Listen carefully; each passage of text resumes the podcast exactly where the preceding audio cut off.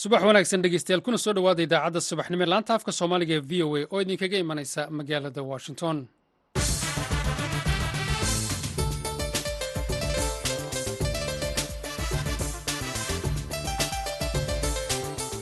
Waa subax talaadaha bisha februari waa toddoba sannadka laba kun iyo saddex iyo labaatanka. Waxaanaad naga dhegaysanaysaan mawjadaha gaagaaban ee lix iyo tobanka iyo sagaal iyo tobanka mitriban bogga v o a somaali com saacadda afrikada bari haatan waa lixdii iyo barhkii arournimo idaacaddana waxaa idinla socodsiinayaa anigoo ah maxamed cabdi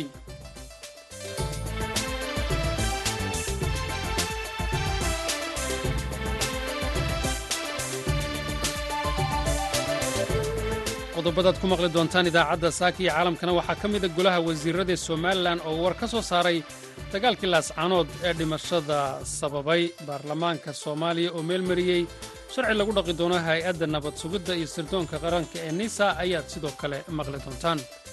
Hinsharciyeedka hay'adda nabad sugidda iyo sirdoonka qaranka waxaa oggolaaday oo ansixiyey boqol afartan iyo afar xildhibaan waxaa ka aamusay saddex xildhibaan waxaa diiday hal xildhibaan. Saas daraaddeed hinsharciyeedka hay'adda nabad sugidda iyo sirdoonka qaranka waa ansax qodobadaasi iyo warar kaleo ku saabsan soomaalida iyo caalamkaba ayaad maqli doontaan marka horese warkii caalamka.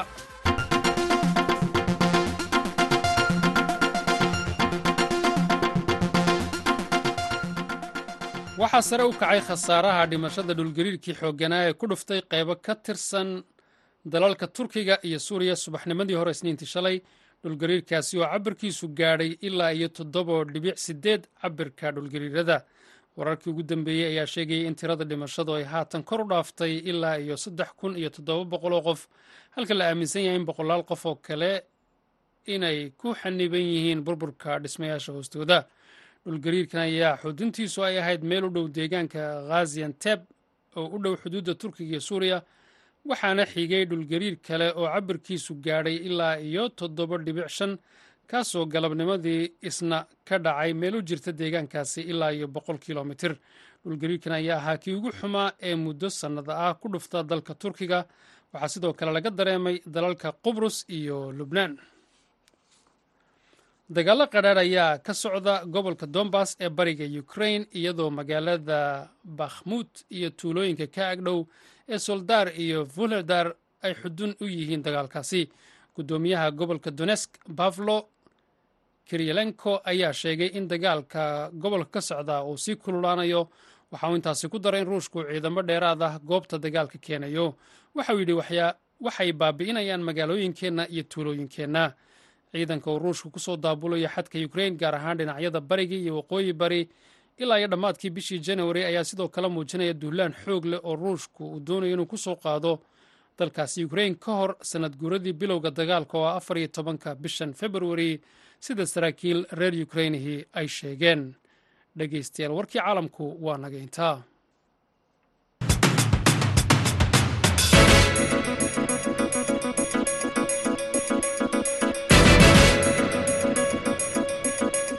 Subax wanaagsan markii la dhegeystayaal dhammaantiinba weli waxaad la socotaan v o a washington. Haatanna somalilan. Somalilan ayaa war ka soo saartay dagaaladii shalay ka dhacay magaalada laascaanood ee xarunta gobolka sool kaasoo u dhexeeyey ciidamada somalilan iyo xoogaga deegaanka. Dagaalka ayaa sababay dhimashada dad isugu jira rayid iyo dhinacyadii dagaalamayey wariyaha v o eda hargeysa sagal mustafa xasan nuur ayaa warbixintan noo soo dirtay.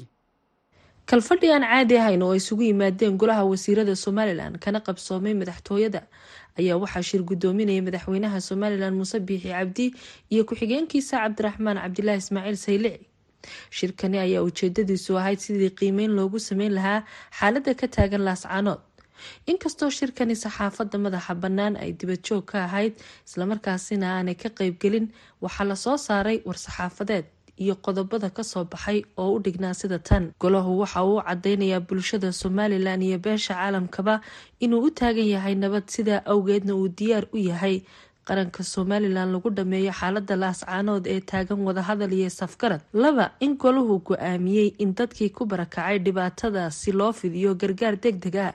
Waxaanu golahu beesha caalamka ugu baaqay inay gargaarkaasi qeyb weyn ka qaataan saddex in golaha uu shacabka beesha caalamka ku wargelinayo in somalilan dagaal kula jirta bay yidhaahdeen kooxa argagixiso caalami ah oo in muddo ahba falal amni darra ka maleegaya gudaha laascaanood afar golahu waxa uu ku dheeraaday in shaqaaqada laascaanood ka bilaamatay ay saameyn ku yeelan karto deganaanshaha mandaqada geeska afrika iyo caalamkaba. Sidaa darteedna ay u baahan tahay in layska kaashado. Shan golaha wasiiradu waxa uu ugu baaqayaa madax dhaqameedka haldoorka culimada ganacsatada dhalinyarada haweenka magaalada laascaanood iyo cid kasta oo danaynaysa nabadgelyada iyo deganaanshaha laascaanood inay ka qayb qaataan sidii magaalada nabad loogu soo dabaali lahaa. War-saxaafadeedkani ka soo baxay madaxtooyada somalilan ayaa waxaa ku saxeexan naasir yuusuf daahir agaasimaha warbaahinta madaxtooyada somalilan. Sagal mustafa xasan nuur v o a hargeysa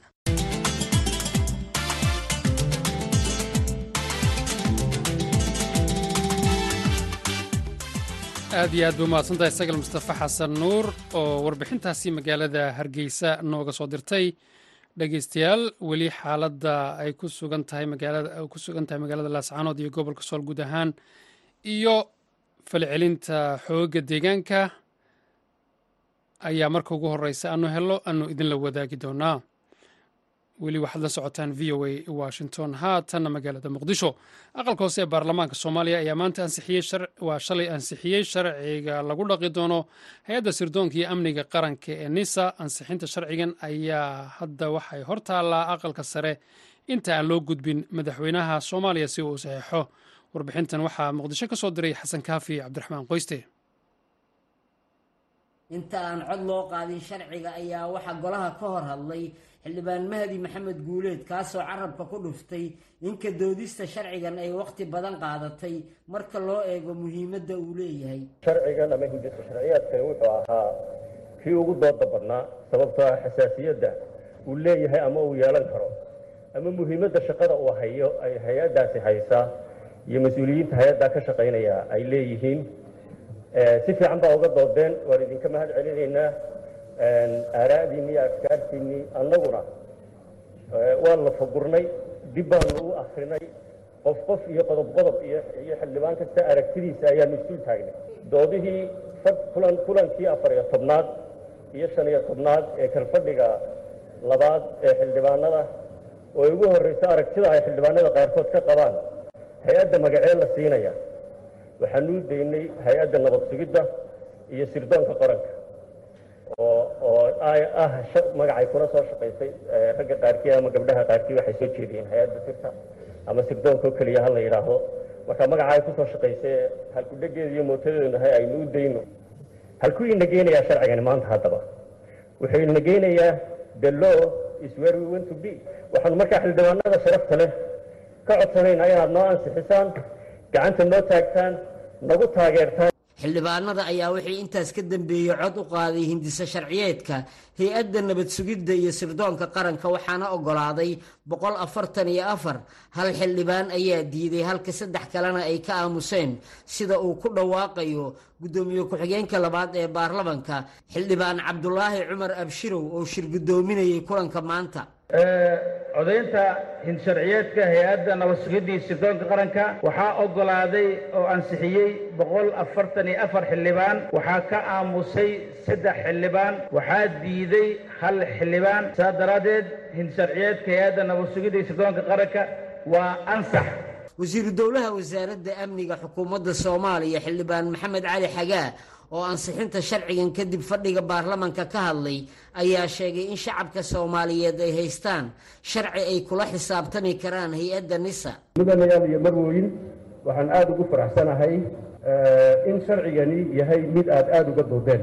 Uga shaqayseen mid aad aada uga shaqayseen siduu u noqon lahaa mid u adeegaya shacabka soomaaliyeed iyo dowladnimada ee aanu noqon mid shacabka dhibaataynaya xildhibaan kasta wuxuu matelayey oo uu difaacayey konstituenskiisa ama meesha uu ka soo jeedo si aanu sharcigan u noqon mid shacabka dhibaato loogu geysto loogana leexiyo magaxumadii hore loogu geystay hay'addan magaceeda.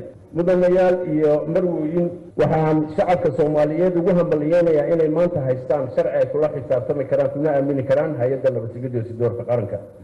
Waxaan mahad gaara u celinayaa guddida arrimaha gudaha iyo amniga oo runtii juhdi geliyey sidii ay sharcigan u heli lahaa kalsoonida xildhibaanada si uu noqdo mid dhaqangala. Hay'adda nabad sugidda iyo sirdoonka qaranka ayaan wax sharci ah lahayn muddo konton iyo saddex sano ah waxaana sharciga la ansixiyey inta ay doodiisu socotay laga bixiyey qodobo badan oo xasaasi ahaa dhinaca kale kulanka baarlamaanka ayaa lagu ansixiyey hindisa sharciyeedka korontada dalka oo maalmihii la soo dhaafay isna ay ka doodayeen xildhibaanada golaha shacabka. Muhiimadda sharcigan ayaa waxaa ka hadlay xildhibaan cabdulaahi cabdi kaasoo hoosta ka xariiqay in sharcigan uu saamaxayo inay magdhow bixiyaan shirkadaha korontada marka adeegooda koronto uu waxyeello geysto. Macaamiishu waxay xaq u leeyihiin inay helaan koronto ku filan tayo leh qiimaheeduna uu jaban yahay qodobka saddexaad fiqada saddexaad qiimaha taarifada korontada dadweynaha laga qaadaya waa inay ku xadidnaataa qiimaha suuqa. Qodob fiqada afraad macmiil kasta oo ku waxyeelooba khatar ka dhalatay adeeg koronto lana xaqiijiyo inuu macmiilku mas'uuliyadda lahayn waxaa magdhabaya cidda sababtay. Hay'addu waa inay xadidaa xaaladda iyo shuruudaha gaarka. Waxaad moodaa inta badan in aada looga hadlo muxuu ahay koron khataraha ka dhasha korontada marka marka la sameeyo hay'adda korontada qaranka xeer nidaamyana sidoo kale wasaaradda ku soo saari doonta lagu sheegi doono dhammaan ganaaxyada iyo waxyaabahan aan ku sheegno dhan. Sidoo kale maanaan ilaabin inaanu ka hadalno shirkadihii soddonka sano muxuu iyaguna dalka adeega bixinaya meel kastay joogaanna iyagana xuquuqooda waxa sheegaya qodobka kan ka horreeya xasan kaafi qoyste v o a muqdisho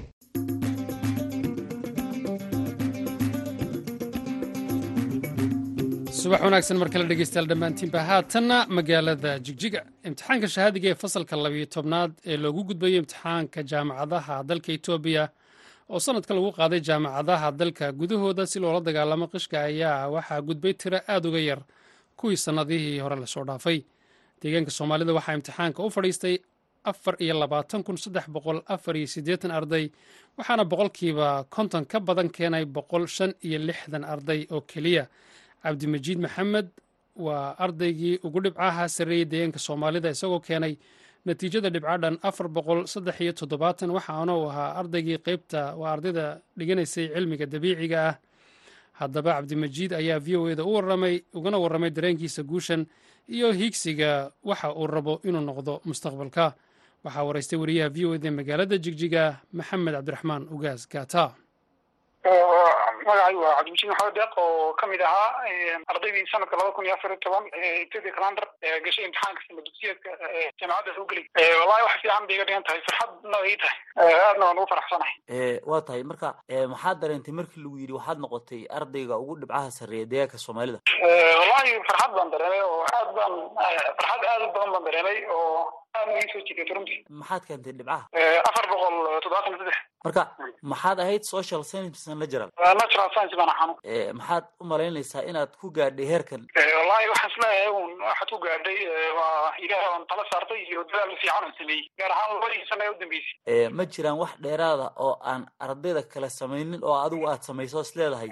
Taas ayaad ku gaadhay maanta heerkan may wallahi waxaan is leeyahay un dadaalka aan sameeyey unbaan unba unba ii suurtagelisaan is leeyahay laakiin wax kale oo dheeraada on waa deer tahay ardada ama waad samaysay ma jirto maxaad samayn jirtay xilligii aad waxbarashada ku jirtay waxyaabahaad samayn jirtay noloshaada maalinlaha? Maa maxaa ka mid ahaa?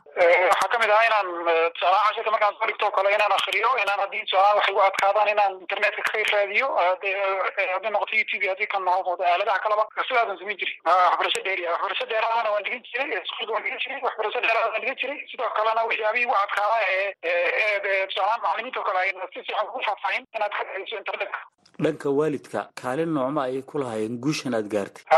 Dabcan iyaga kaalinta ugu weyn ka lahaa waalidka oo aabaayaheeda iyo sidoo kale walaaladiisiga waaweyn iyaguna ayaa ka qaata maxaad rajaynaysaa mustaqbalka inaad noqoto waxbarashada yani waxaan ku wuri waxaan jeclaha inaan noqdo waxyaaba badan jeclaa baa jirta inaan barto gaar laakiin waxaan aada xuseeya inaan noqdo daktarka ku takhasuso qalino afa maxaa ku dooratay marka?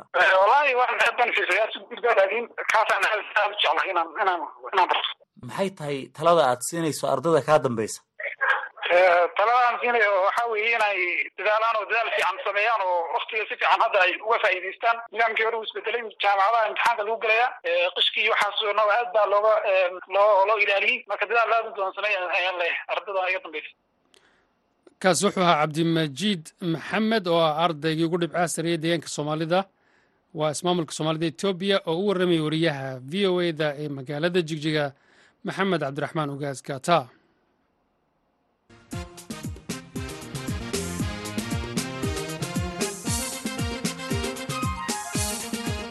subax wanaagsan mar kale dhegeystayaal dhammaantiinba. Dowladda soomaaliya iyo ururka caalamiga ee gaadiidka cirka ee i a t a ayaa shalay si afgarad ah ugu heshiiyey sharci dhigaya sidii ay soomaaliya dib ugu heli lahayd hanaanka caalamiga ee tigidhada diyaaradaha waxayna ku kala seexdeen labada dhinac magaalada nairobi ee dalka kenya. Hanaankan ayaa shirkadaha diyaaradda ee soomaaliya u ogolaanaya inay iyagu si madax bannaan u helaan tigidhada noocyada kala duwan ee diyaaradaha halkaa shirkadaha diyaaradaha soomaaliya hadda ku tiirsan yihiin waddamo kale sida kuwa dalalka deriska. Haddaba faahfaahinta heshiiskan ayaa wasiirka gaadiidka iyo duulista hawada soomaaliya fardowsa cismaan cigaal waxay uga warantay wariyaha v o eda nairobi khadar maxamuud xareed marka guushaas weyn anagu gaarnay waxaa haddana muhiim noo noqotay in hay'adda aayaata la yidhaahdo oo diyaaradaha adduunka manaj garaysa dhammaantood. Inaan la sameyno xiriir mataqaanaa inay dalkii yimaadaan inay koodkeenii soomaaliya lahayd aan soo celino. Sidaan ognahay hadda soomaaliya waxay isticmaashaa turkiga kenya koodad laga keenay. Bay isticmaashaa ay waxay ku yihiin mataqaanaa partnership kula yihiin ninka travel agencyga haysto soomaaliya jooga ganacsadaha hadduu maanta damco inuu travel agency furto kooda ku shaqaysto ma haysto. Waa inuu qof kenyaan ah oo code haysta dowladiisu siisay ama qof turkiya oo dowladiisu siisay code inuu commission siiyo lacagta wax ka siiyo oo uu kula shaqaysto codekaas bay ahayd.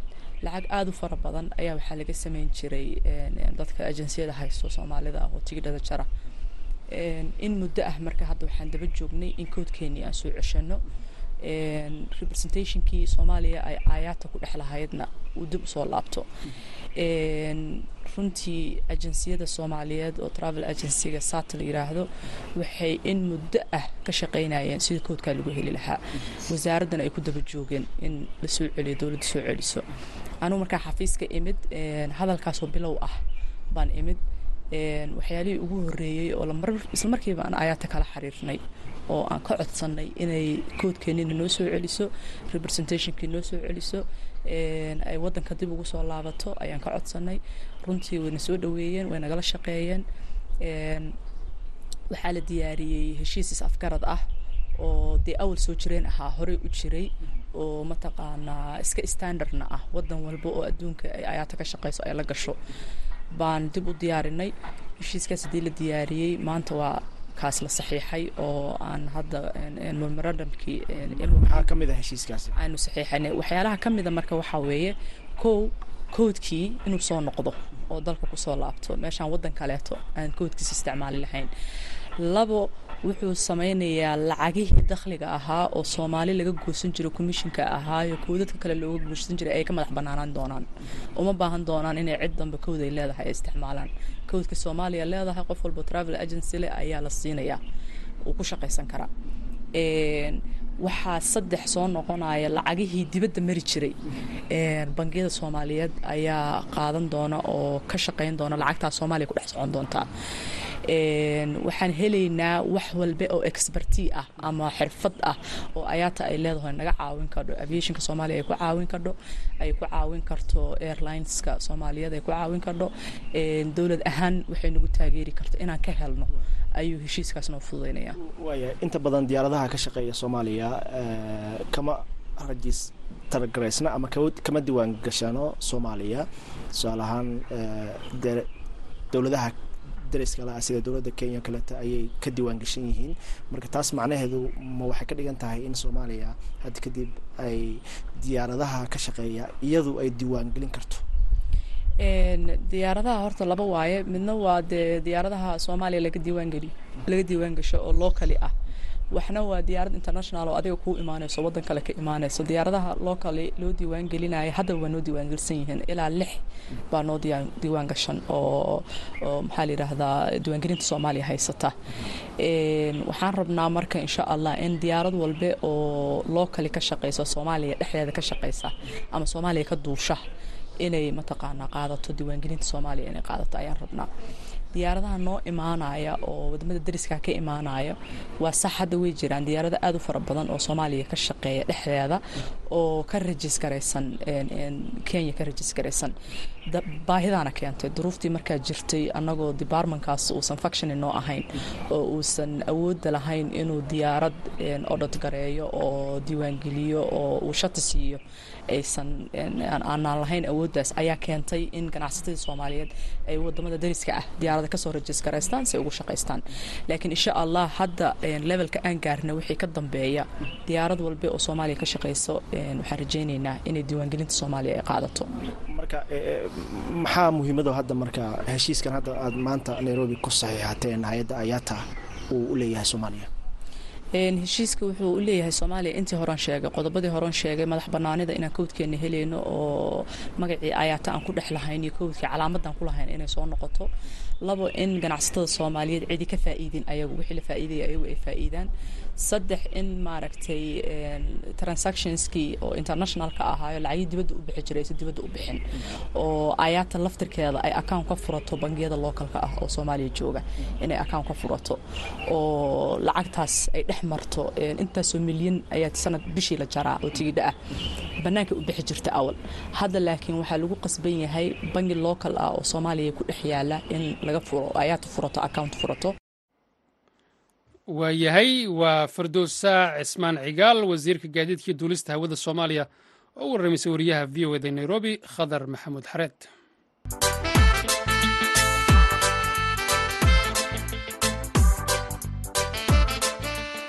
Dalka jabuuti waxaa shalay laga xusay maalinta qaran ee farshaxanka. Madaxweynaha jabuuti ismaaciil cumar geelle ayaa guddoomiyey munaasabadan oo ah qaybtii amaba sannadkii shanaad ee la qabto munaasabadan taasoo ay ka qayb galeen haweenka sida gaarka uga shaqaysta farsamada farshaxanka. Ramadaan muuse ayaa warbixin arrintaasi ka hadlaysa inoo haya munaasibadan waxaa soo agaasimtay wasaaradda ganacsiga iyo farshaxanka dalka jabuuti iyadoo ay tahay sannadkii shanaad ee laga qabanqaabiyo jabuuti sanadkan waxaa halkudhig looga dhigay farshaxanka iyo wakhtiga casriga ee dijitaalka iyadoo ujeeddadu ay tahay sidii farshaxankuula jaanqaadi lahaa teknolojiyadda casriga dijitaalka. Madaxweynaha jabuuti ismaaciil cumar geele ayaa tilmaamay ahmiyadda gaarkae ay leedahay sancadda farshaxanku la xasuusanayey hawsha la yidhaahdo farshaxanka. Farshaxanku waxa aad aragteene dabadda buuxay iyo wax ka maqanba. Waxa weeyaan waxa gacantu ay qabato. Ay u qabato waxay u baahan tahay u qabato. Kolka soosiyetegeenna oo baadiye ah ama xoolo dhaqato ah way soo nooleyd boqolaal sannadood kumanyaal sannadood. Waxay ku nooleyd mujtamac dhexdiisa dadkuna baahida maanta uu leeyahay unbuu lahaa. Wuxuu ku seexdu u baahnaa wuxuu wax ku cuno u baahnaa wuxuu huwadu u baahnaa. Dee jabaan iyo china lagama keenin halkan baa lagu samaynaya dadkeennaa samaysanaya baahidooday ka jawaabayeen dee maaha wax yacni samada ka soo dhacay maaha waxaan anagu leenahay weeyaan aan ku baahi baxnay weeye sidaa daraaddeed in la qurxiyo wixii kale ee baahi ee soo baxay in aan ku biirinno weeye. Si aan ugu biirinnana waa inaad dinamiigeygii aan abuurno iyo dadaalkeedii aan abuurno. Markaa dee noloshiina way isbedeshay tii hore iyo tan maanta isku mid maaha. Waxaa dee loo baahan yahay kolkaa inaan la jaan qaadi karno nolosha cusub aan la qaadi karno aan samaysan karno inta aan samayn karin. Aan qurxinno wixii taariikh noo ahaa. Aanan ka dhigno wax qofka samaynaya ee saanica ah inuu noqdo qof farshaxanle ah oo abuuri kara qurxin kara diri kara dad wax ka iibsadana heli kara inuu noqdo dadaalkeenna wey munaasibadan waxaa lagu soo gebagabeeyey madaxweynaha jabuuti oo abaalmarino guddoonsiiyey haweenka ugu waaya aragsan ee ugu wax soo saarka badan xagga farshaxanka jabuuti waa tan ugu horreyn hooyo muumino dharaar. Alhamdulilah rabbilcaalamiin anoo muumino dharaara magaalada howlhol yidhaha ku nool. Waxaan aad iyo aad bay shucuurtaydu u fiican tahay waxaan ku soo daalay farshaxankaa baan samayn jiray ilaa gumaysigii baan samayn jiray. Gumaysigii waxaan dhigan jirnay maxay hayday anigoo gabadh yara waxaan dhigan jirnay maxay hayday dhar baan toli jirnay koofiyadaha ciyaalka sharabaadka ciyaalka maxay hayday kuusha iyaan tixi jirnay. Waxaan dhigan jirnay meesha la yidhaaho turismiga ayaan dhigan jirnay birin yarun baan ku qori jirnay lacag yar baa lana siin jiray lacagtaa dahab baan ku iibsan jirnay dhar baan ku iibsan jirnay anigu waxaan odhan lahaa dadka maaragtay dhallinyarta inay maaragtay ay xiiseeyaan inay xoojiyaan ku imika sameeya iyo ku maaragtay ku tala jiraba inay xoojiyaan inay daraanyada ka dhowdaan. Maryan maxamed axmed ayaa iiga warantay dareenkeeda. Maasha allah dee aad baan ugu faraxsan yahay inaan maxaan dhahdaa halkaas soo gaadho. Waa wax ilaahay loogu mahadnaqo. Anugu waxaan soo bartay stris modelis wax la yidhaahdo tolmaha. Iyo sida maad aragtay loo wax loo kareeyo amba wax loo abuuro dhar loo sameeyo. Ayaan soo bartay. Sidoo kale sahre maxamed xasan ayaa iyaduna sidan ii sheegtay. Wallaahi tacab badan baan soo gelina laakiinse halkaa maad gaari ma lahayn waan ku faraxsanaa wallaahi. Kuulaha farshaxanka kuulaha waxaan ka dalban jirnay. Kuulaha masar baan nagu keenay. Kolkaan noo keena halkan baan ku taxay rabadaan muuse jaamac v o a jibuuti aad iyo aad buu mahadsan yahin ramadaan. Haatanna dhinacii heesaha aan hadda idiin gudbiyo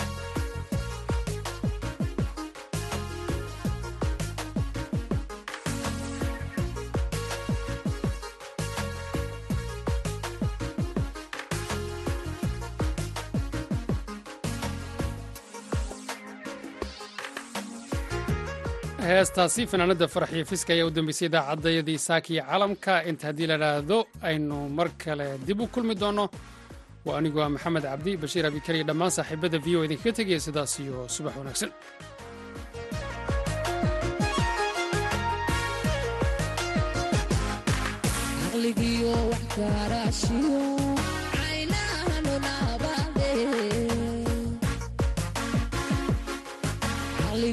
Wax gaara